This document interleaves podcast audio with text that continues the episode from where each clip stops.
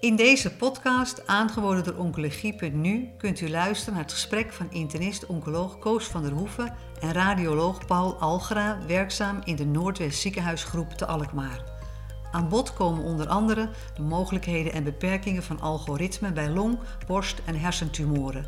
Daarnaast worden de laatste ontwikkelingen met betrekking tot COVID-19 en algoritmen besproken. Recent is er een uh, boek verschenen bij Springer, Artificial Intelligence in Medical Imaging, met daarin een belangrijke rol voor dokter Paul Algra, radioloog in het Noordwest ziekenhuis in Alkmaar, als editor. En ik ga met hem nu een gesprek voeren over dit boek. Maar ik begin met iets actueels van het moment en dat is de COVID. Want mede naar aanleiding van dit boek zijn jullie ook ingesprongen op COVID. Paul, wat is de precieze reden daarvoor en hoe doen jullie dat?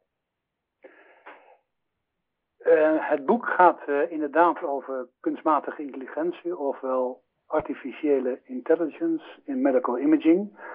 En dat is een uh, nieuwe ontwikkeling van de afgelopen jaren, die in alle beeldvormende diagnostiek van de medische specialisten van belang is geworden. Uh, dat is gestart in de radiologie, omdat al die beelden al digitaal waren en makkelijk voor een computer waren te bewerken.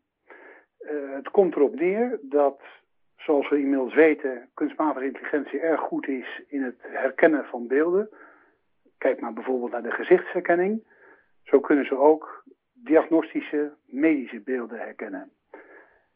Nu zitten we in een COVID-periode van de afgelopen maanden, waarbij nu blijkt dat de CT-scans van patiënten die uh, COVID-infecties hebben in de longen nogal aparte beelden geven.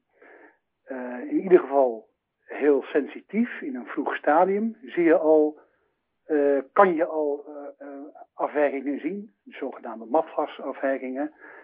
En in het verloop van de ziekte kunnen die beelden ook specifieker worden en een nogal kenmerkend beeld voor COVID geven, die uiteraard van belang zijn voor de diagnose, maar ook voor de prognose. En zeker in het geval van als er een gebrek is aan gebruikelijke testen, kan CT een belangrijke rol daarin innemen. Echter, de COVID is voor ons allemaal een, een, een nieuwe ziekte met nieuwe beelden. Dus we moeten zo snel mogelijk een, een leercurve krijgen. En dat lukt alleen als je alle beelden verzamelt uit zoveel mogelijk ziekenhuizen. Vervolgens daar een algoritme op laat trainen, zodat het algoritme je kan helpen in de diagnostiek van COVID. Welke ziekenhuizen doen er op dit moment mee aan het ontwikkelen van dit algoritme? Ik denk dat er meerdere initiatieven zijn in Nederland. Ik ben niet van alle initiatieven even goed op de hoogte. Maar ik weet van het Maastad bijvoorbeeld. En ik weet ook van het eh, AVL NKI in Amsterdam. Dat is een uh, initiatief wat een uh, maand geleden is gestart. En gebruik maakt van een Europees netwerk. Het zogenaamde USOMI-netwerk, wat een deel is van de Europese radiologievereniging. En daar is inmiddels een veertigtal ziekenhuizen internationaal bij betrokken. Oké, er wordt uh, hard aan gewerkt en ik begrijp dat de foto's uh, van uh, voor COVID verdachte patiënten vanuit die ziekenhuizen daar centraal worden ingebracht. Op welke termijn denken jullie dat de algoritmes klaar zijn om die in de klinische praktijk ook te gaan toepassen? Ik heb begrepen van de bedrijven die hierbij betrokken zijn dat het mogelijk is om een algoritme binnen twee à drie weken gerekend vanaf nu werkzaam te kunnen krijgen en te verdelen over de deelnemende ziekenhuizen. En zal dat dan uh, uh, alleen bruikbaar zijn voor de deelnemende ziekenhuizen of is voorzien dat andere ziekenhuizen daar ook binnen afzienbare termijn gebruik van kunnen maken? Ik denk uh, dat laatste. Echter, deelnemende ziekenhuizen wordt ook gevraagd om niet alleen hun onderzoek in te sturen, maar ook te annoteren. Dat moet ik misschien even uitleggen. Um, de computer begrijpt nog niet direct wat normaal en abnormaal is. Dus de beelden die worden ingezonden, zullen moeten worden ingetekend. Dus de, de, de plekken met de infecties, met het matgas, met de pneumonieën, met de eventuele pleurenvocht, zal handmatig moeten worden ingetekend. En die worden ingestuurd naar een centraal punt waarna het algoritme gaat leren. Oké, ik wil het, uh, het onderwerp COVID een klein beetje uh, achter ons laten, even voor dit moment. Uh, het is opvallend dat de, het NKI, het Antonie van Leeuwenhoekhuis, in deze ook een coördinerende rol speelt. Maar dat komt waarschijnlijk omdat het Antonie van Leeuwenhoekhuis al langer bezig is met artificial intelligence in de oncologie. Is dat juist? Dat klopt. Ik ben op de hoogte van een promovendus die daar al meer dan een jaar aan werkt. Die is destijds gestart met als leeropdracht hoe kan AI de werkprocessen binnen de rijnlogie verbeteren. Um, dat is, heeft een nieuwe impuls gekregen door deze COVID. Oké. Uh, het boek wat ik net genoemd heb, dat gaat niet alleen over de oncologie. Maar de oncologie is wel een belangrijk onderdeel daarvan. Om welke reden zou je nou die kunstmatige intelligentie willen inzetten in de oncologie? Wij hebben daar in uh, Alkmaar een uh, enige ervaring mee. We zijn een jaar of twee geleden gestart met het uh, valideren van een algoritme voor het detecteren en het kenmerken van longnoduli. Zoals bekend komen die veel voor in de oncologische patiëntengroep. En het is nogal lastig, in ieder geval tijdrovend, om alle noduli te detecteren te tellen en vast te stellen of er sprake is van groei of regressie. Bij voorkeur doe je dat van elke bekende nodus nadat een patiënt wordt behandeld. En, en dan nog bij voorkeur uh, in drie dimensies, waarbij je dus de nodus een volumemaat geeft. En dat moet je dan met het oude en met de nieuwe CT-scans moet je dat vergelijken. Als je nu realiseert dat een CT-scan tegenwoordig al gauw honderden tot duizend uh, plaatjes heeft. En die moet je allemaal vergelijken met het oude onderzoek van, laten we zeggen, een half jaar geleden. En, en er kunnen soms wel tientallen metastase in de longen zich uh, bevinden. Dan kan je nagaan dat het een enorm tijdrovend karwei is. Onze ervaring is dat het algoritme wat wij nu een jaar of twee aan het valideren zijn, uh, is dat het een belangrijke hulp is in deze werkzaamheden. Waarbij ik niet wil zeggen dat je helemaal voor 100% op het algoritme kunt varen. Maar het is wel een goede hulp. Ik beschouw het altijd als een soort van co-pilot. Oké. Okay. Uh, als ik het goed begrijp, gaat het er hierbij vooral om dat het vervolg van die noduli, het meten van de afwijkingen, dat het geautomatiseerd wordt dat is correct. Dat zijn de noduli, maar dat kan ook met de primaire tumor. Als we bijvoorbeeld een, een uitstapje maken naar uh, tumoren van het centraal zenuwstelsel, dan kan je ook, er zijn ook algoritmen die een onderscheid kunnen maken tussen het uh, omgevende uideem, de primaire tumor en de aankleuring, en onderscheid kunnen maken tussen uh, progressie en pseudoprogressie en regressie. Ik kom daar dadelijk nog even op terug, maar we hadden het over longnoduli. Ja. Zijn er binnen de radiologie nog meer aspecten uh, betreffende longkanker die met de hulp van artificial intelligence benaderd kunnen worden? Dat is een belangrijk punt wat je nu uh, aanstipt. Uh, een van de beperkingen van kunstmatige intelligentie is dat het één, vaak één ding kan één ding heel goed en heel snel, maar één ding en niet andere zaken. Bijvoorbeeld het algoritme wat wij nu hebben, kan heel goed die longnoduli tellen en vervolgen, maar andere belangrijke bevindingen eh, bij een CT-scan van de thorax, zoals bijvoorbeeld het voorkomen van coronaircalcificaties, een aneurysma of metastase in de wervelkolom of in de onderste koepels, heel vaak scan je de lever mee, uh, leefmetastase kan datzelfde algoritme niet. Dus je, de, de manco op dit moment is nog wel dat we van doen hebben met narrow intelligence, zoals het wordt genoemd. Dus we kunnen één ding heel erg goed, uh, alleen het blijft bij dat ene ding. Oké.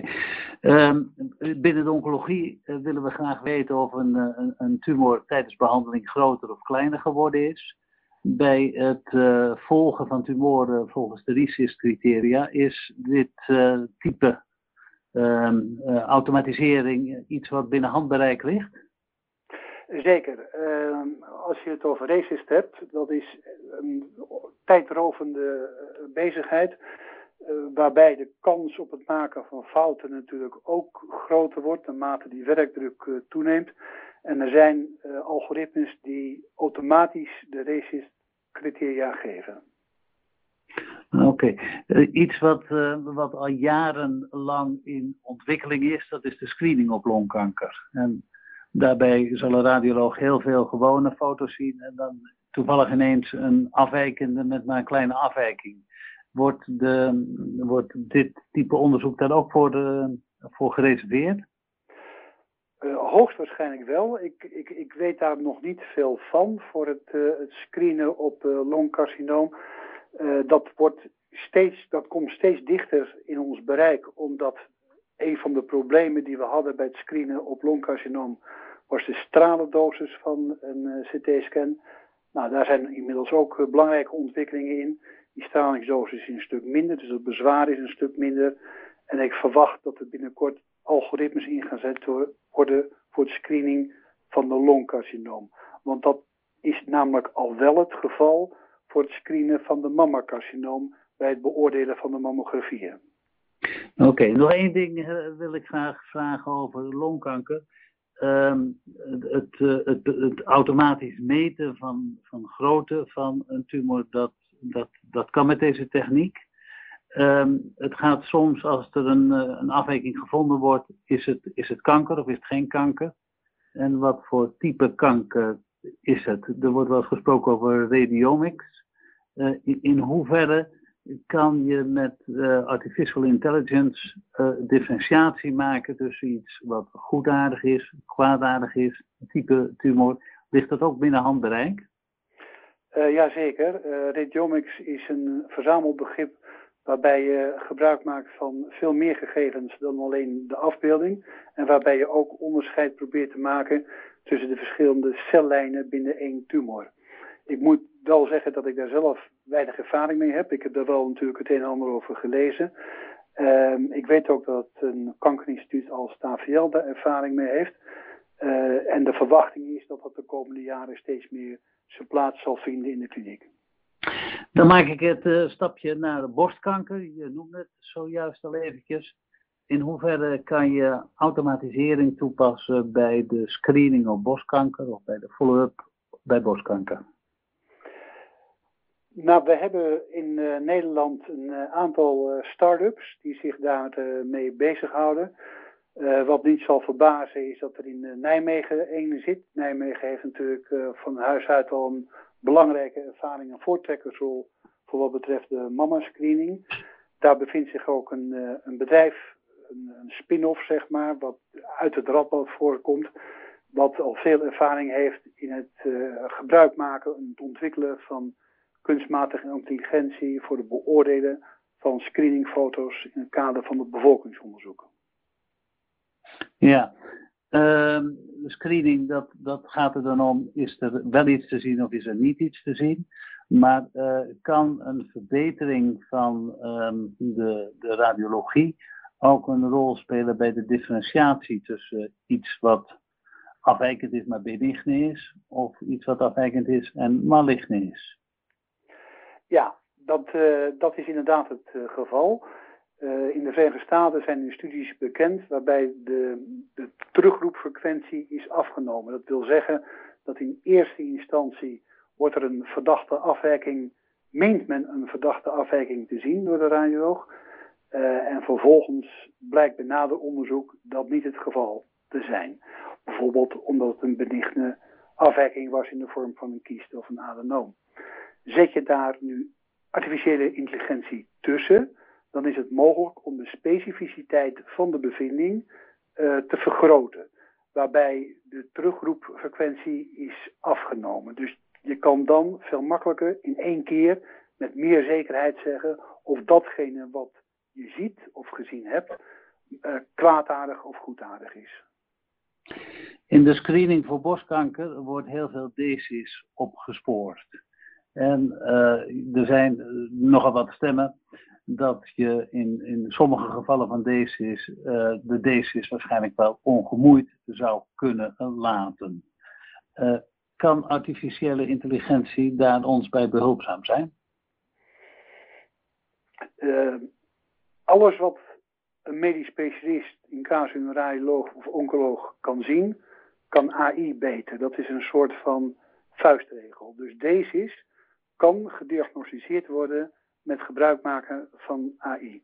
Dus ik, al, het is mij bekend dat de behandelopties van DC's uh, aan het variëren zijn. Die zijn uh, ja, daar is, daar is veel discussie over. Als het om de pure diagnostiek gaat van DC's, dan kan AI je daarin helpen. Um, of het dan verder vervolgens ook in de clinical decision making een steun geeft, dat weet ik niet.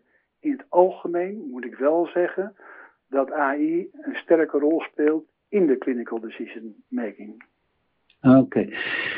Ik wilde nog even terugkomen op het eerder al aangestipte onderwerp over hersentumoren. Um, daar is veel vooruitgang in geboekt in de beeldvorming. Wat kan AI daar nu precies betekenen? De klinische problemen die we vaak hebben, dat gaat over gradering, resectabiliteit. En bij de follow-up gaat het om progressie of pseudoprogressie. Wat kan AI daarin betekenen? We hebben het uh, nu in dit gesprek voornamelijk over de beeldvormende diagnostiek gehad. Daar heeft het een sterke rol in. Maar als we het over hersentumoren hebben en dan wordt besloten tot bijvoorbeeld radiotherapie, dan kan eh, AI daar ook een belangrijke rol in spelen.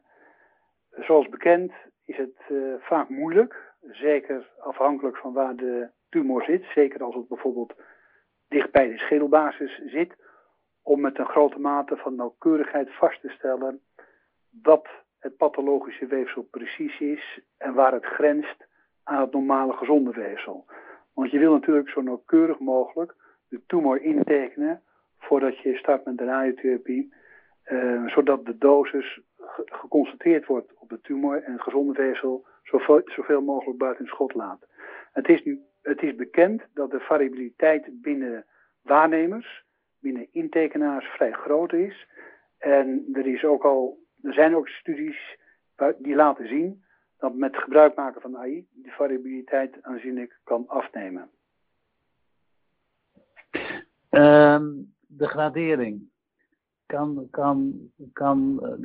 maakt soms uit, het maakt altijd uit wat de gradering van een glioblastoom is, van een glioom is. Wat kan AI daarin betekenen? Uh, in het algemeen is het zo dat eh, AI je helpt bij het stellen van een differentiaaldiagnose, met daarin ook de gradering. En dat de artikelen die ik daarover ken, is dat AI dat nauwkeuriger kan dan een gemiddelde neuroradioloog. Oké. Waar klinici en radiotherapeuten en radiologen al heel lang um, mee worstelen, dat is het, uh, het fenomeen van de pseudoprogressie. Um, biedt AI handvaten om dat beter te doen dan het tot nu toe gebeurt? Ik denk dat je het uh, juist uh, zegt. handvaten, niet, niet, veel meer dan dat. Um, de informatie die gegeven, gevoed moet worden aan I, is geannoteerd. Het, het annoteren geschiet door uh, specifiek deskundige mensen. En beter dan dat kan het op dit moment nog niet. Dus die ervaring zou moeten blijven groeien. De ervaring die we nu hebben dat uh, progressie en pseudoprogressie moeilijk van elkaar te onderscheiden is. Dat kan je natuurlijk een beetje doen met uh, perfusie. Die informatie die moet gegeven worden aan de algoritmes om daarop te gaan trainen. En na verloop van tijd zullen we gaan zien dat dat een belangrijke rol zal gaan spelen. Op dit moment hebben we dat nog niet in mijn ziekenhuis.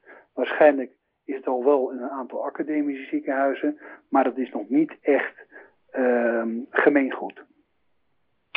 Als je bij een individuele patiënt gebruik wil maken van die artificial intelligence, dan moeten die, die, die gegevens daarover, de kennis daarover, moet komen uit een grote database.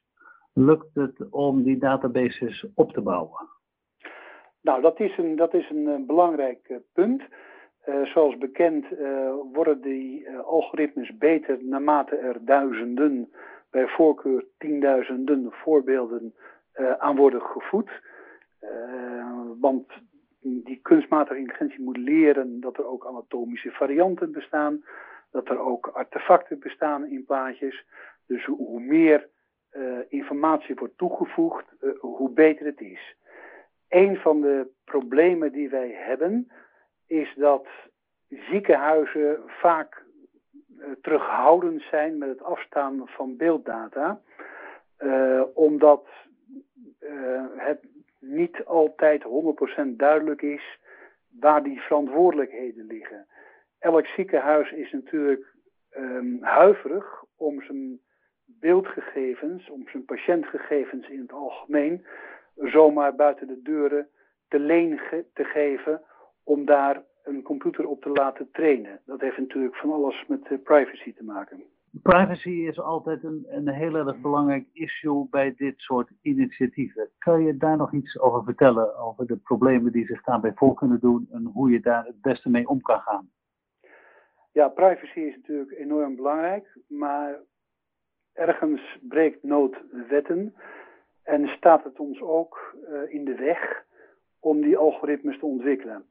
Zelfs al anonimiseer je de beelddata op een onomkeerbare manier en op een niet herleidbare manier, dan nog zijn er privacy officers of juristen die bedenkelijk kijken zodra je patiëntgegevens geanonimiseerd uh, buitenshuis wil laten bewerken.